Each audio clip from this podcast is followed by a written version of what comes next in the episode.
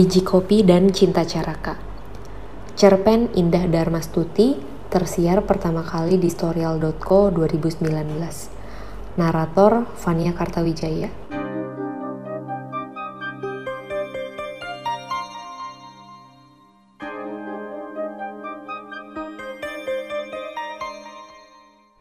Lampu-lampu dekoratif menyala menerangi stand-stand di sepanjang koridor Jenderal Sudirman hingga menikung tugu pemandangan. Lalu mengarah di area pasar gede, khususnya di dekat tugu jam legendaris yang menjadi pusat stand dalam festival kopi Nusantara itu.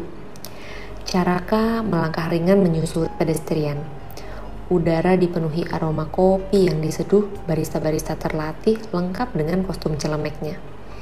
Menurut informasi yang terpampang di baliho dekat bundaran Geladak, ada 99 stand pedagang kopi yang menjadi peserta festival ini.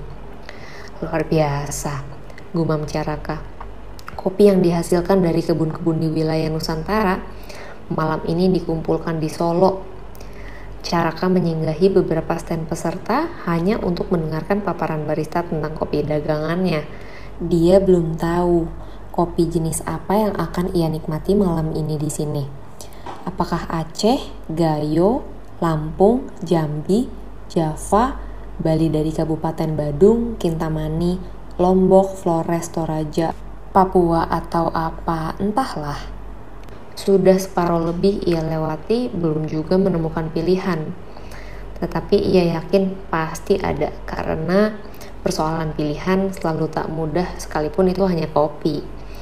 Sampai akhirnya ia memutuskan untuk berhenti sebentar di dekat jembatan dan mengamati pemandangan kali kecil di bawah sana. Dari hari ke hari makin cantik saja kota ini, batin Caraka. Sejurus ia memusatkan konsentrasi demi menangkap sepintas aroma yang merangsang otaknya, mengantar ingatan pada sebuah peristiwa. Ia memutar badan, kemudian mencermati kedai-kedai di sekitarnya. Wow, hidungnya serupa kompas yang akurat menunjuk arah. Di kedai sebelah kanannya, sedikit menjorok ke kiri, ia membaca tulisan Sumatera Utara. Lalu di bawahnya dideret tulisan Si di Kalang Mandailing Lintong Nihuta. Itu dia, seru hatinya. Aroma kopi telah berhasil menyeretnya mendekat meski juga mengempaskannya pada pahit masa lalu. Ia segera menuju kedai itu disambut barista perempuan yang sigap seolah ia mangsa yang sudah masuk perangkap dan harus digarap dengan segera. Mari silahkan, katanya sambil menunjuk bangku kosong kemudian nyerocos menjelaskan perihal kopi dagangannya dan mengajukan beberapa penawaran. Caraka tersenyum sabar di samping ia menarik, ia ingin menghargai upayanya sekaligus menyocokkan apa yang ia ketahui tentang kopi ini yang pernah ia terima informasinya dari perempuan masa lalunya. Baik, saya mau robusta di kalang, putusnya. Akhirnya, ia memilih jenis itu karena beberapa alasan. Jenis itulah saat pertama kali ia mencicip kopi yang di lidahnya terasa begitu berbeda begitu nikmat saat dicecap.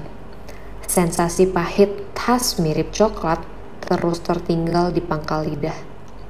Tentang kopi, kawannya pernah bertanya, Raka, menurutmu mana yang enak, Arabica atau Robusta? Tergantung dengan siapa dan di mana kamu menikmatinya. Kawannya terbahak.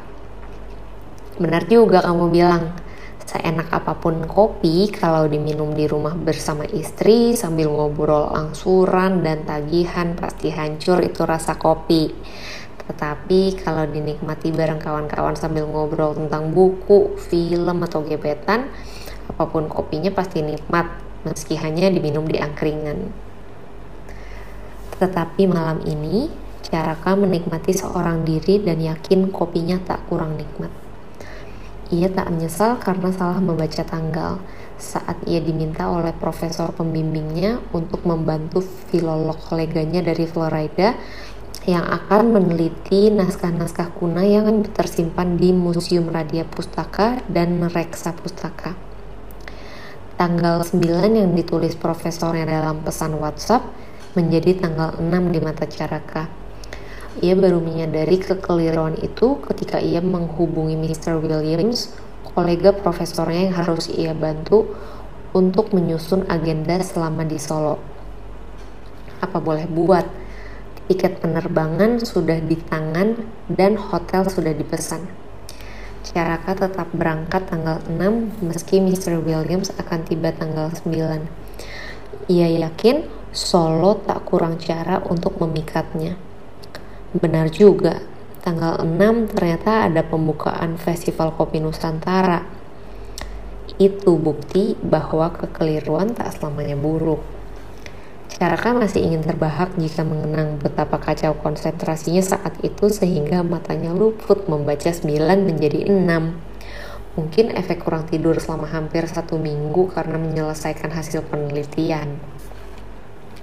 Kini ia merasa rileks, pandangannya mengedar lalu tertambat pada bangunan kokoh pasar gede. Mau tak mau, otaknya terhubung pada nama Thomas Karsten arsitek kelahiran Amsterdam yang merancang bangunan pasar itu selain stasiun balapan. Keunggulan Karsten dalam merancang bangunannya, ia selalu membaca masyarakat setempat. Jawa adalah Jawa. Bangunan publik harus menggambarkan tempatnya berada. Tidak seperti arsitek pendahulunya yang lebih cenderung memindahkan Eropa ke Jawa Nona barista datang membawa pesanannya. Silahkan, robustanya, selamat menikmati. Ucapnya hangat tak lupa menyertakan senyum manisnya. Saat Caraka membawi kopi itu, telinganya menangkap suara yang menyebut namanya. Raka! Ia menoleh lalu terpana. Seorang perempuan berkalung kamera dengan kemeja abu-abu tengah menatapnya lengan kemeja panjang digulung hingga siku dan tiga kancing paling atas dilepas hingga menampakkan kaos putih polos dengan utas tali biru ID cardnya. Caraka tak akan lupa siapa dia. Maaf mengganggumu, apa kabar? Suaranya pelan sedikit bergetar tergasak suara serak barista di sebelahnya. Halo Nuri, kabar baik? Sambut Caraka. Sedikit canggung perempuan ia mendekat lalu menanyakan apa boleh ia duduk di kursi kosong di depannya. Caraka tak keberatan. Sekarang Caraka meneliti pikirannya apakah ia masih mensyukuri ketika matanya keliru membaca tanggal atau menyesali sampai kerak-keraknya.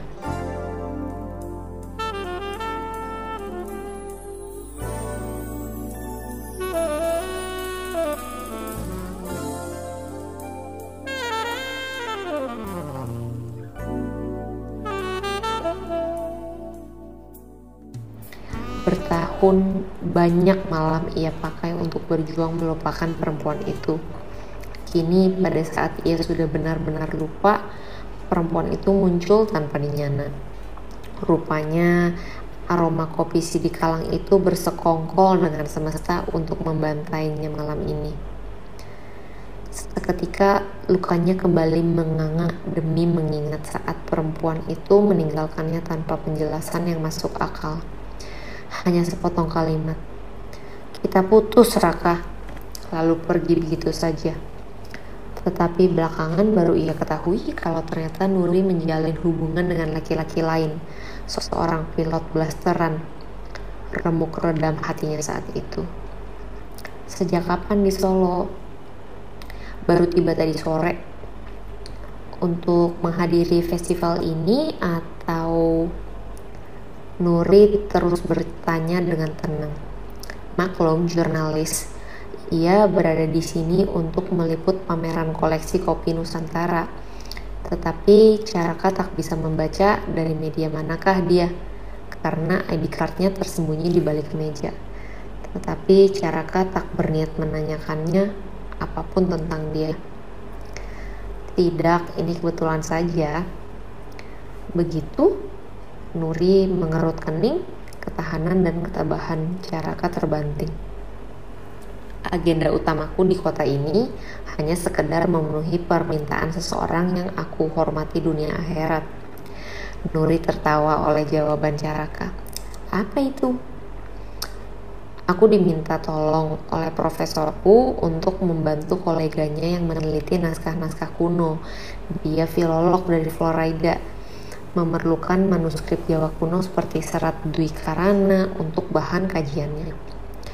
Nuri menanggapi dengan sikap tubuhnya yang terlatih sebagai jurnalis dan tak segan menatap mata Caraka yang sewarna biji kopi. Diteliti pesan-pesannya,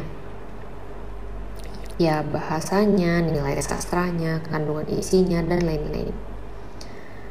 Ya ya, Solo punya banyak naskah tua ya, Begitulah saat Paku Buwono II didampingi Yosodipuro membangun kota Solo, mereka menempatkan sastra dan gending sebagai bagian ritual sakral. Lalu penerusnya menghidupi tradisi itu. Dan pastinya profesormu tak salah memintamu. Sejak dulu kamu sudah tergila-gila dengan syair-syair klasik. Caraka tertawa ala kadarnya. Ia tak tertarik menanggapi pancingan Nuri untuk kembali melihat masa lalu yang ia habiskan bersamanya. Rak, selama belajar filologi saat meneliti naskah-naskah kuno, apakah kamu menemukan manuskrip tentang kopi?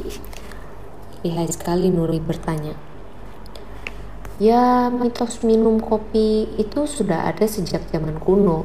Kopi sudah ditemukan dalam naskah paling tua dalam dokumen Al-Razi sekitar tahun 850 sampai 922, kemudian pada 980 sampai 1037 seorang bernama Ibnu Sina mengatakan ada sebuah biji yang bisa diseduh yang bisa menyembuhkan sakit perut dan itu mengacu pada kopi. Apakah itu juga yang membuat pamor kopi tak pernah surut Sepertinya semakin moncer pamornya. Tetapi baiknya tidak melupakan bahwa pada suatu masa di belahan bumi lain, di balik nikmatnya kopi ada kekejaman perbudakan. Kurasa bisa kita telusuri juga lewat novel The Various Flavors of Coffee karya Anthony Capella atau literature yang lebih serius yang mengkaji berbagai macam kopi serta keunggulannya. Dan kamu memilih si di kalang malam ini, Raka? Ada alasan khusus? Raka sesaat membatu. Ia tak mungkin lupa kalau kopi si di kalang itu pertama kali dikenalnya ketika Nuri memberinya sebungkus sebagai oleh-oleh dari perjalanannya ke pelosok Sumatera Utara dalam rangka mengunjungi keluarga kakaknya. Kopi itu belum lama di grinding sehingga aromanya sungguh segar dan Nuri menyisakan sesendok yang masih berwujud biji. Untuk menyelamatkan ingatan tentang kita, Raka, tentang cinta kita. Katanya saat itu. Mengapa kopi? Ya, kopi akan nikmat jika dicecap sedikit demi sedikit hingga mencapai ampasnya. Dan prosesnya sungguh panjang jika kita mementingkan kualitas Cinta pun begitu. Ucap Nuri tujuh tahun lalu. Dan malam ini begitu mudah tanpa rasa salah Nuri mengungkit seolah ia tak pernah memberi rasa sakit. Ia menceritakan sudah lebih tiga tahun putus tunangan. Lantas, apa perlunya menceritakan itu? Batin Caraka Sarkas. Raka, harap kamu tak keberatan bila obrolan dan informasimu tentang kopi boleh aku kutip dalam liputanku. Aku ingin menghargai dan menandai reuni tak terduga kita. Terserah sejauh informasi itu diperlukan dan bermanfaat. Boleh aku minta alamatmu? Aku akan mengirim bila liputanku terbit. Sesungguhnya Caraka enggan tetapi baiklah, barangkali itu salah satu cara baginya untuk memaafkan. Dua minggu aku akan berada di kota ini. Jika tulisanmu sudah terbit sebelumnya, barangkali kamu bisa mengirim ke alamat rumah tempat aku dan Mr. Williams menginap. Baik, beri aku alamat itu. Tulislah, pinta Caraka lalu ia menyebut alamat rumah Pak Minta Raja. Bulan Gibus mengapung pucat, tiba-tiba Caraka merasa badannya begitu lelah berlipat. Ia segera meninggalkan tempat itu ketika Nuri pamit 10 menit yang lalu. 10 hari kemudian, Mbak Nana menyerahkan sebuah tas kertas berisi sebuah majalah dan sebungkus biji kopi dalam kemasan warna coklat ketika ia dan Mr. Williams baru saja pulang dari reksa pustaka. Ada yang menitipkan untuk Murak, seorang perempuan ayu, kata Mbak Nana setengah menggoda. Caraka segera membuka sesampainya di kamar. Dalam paket itu, ia menemukan secari kertas bertuliskan Arabica Gayo Aku ingat pernah berjanji membawa kopi jenis ini untukmu. Semoga kamu suka. Terima kasih untuk obrolan yang kemarin. Nuri. Cara membuka-buka majalah itu sepintas, lalu mengempaskannya di meja. Ia tak tahu dan tak mau tahu apa maksud Nuri mengirim biji kopi itu. Yang ia tahu, ia tak akan meninggalkan Tita sebab ditinggalkan itu sangat menyakitkan. Ia tak akan memberi sakit yang sama kepada Tita kekasihnya. Cukup dia saja yang merasakan luka.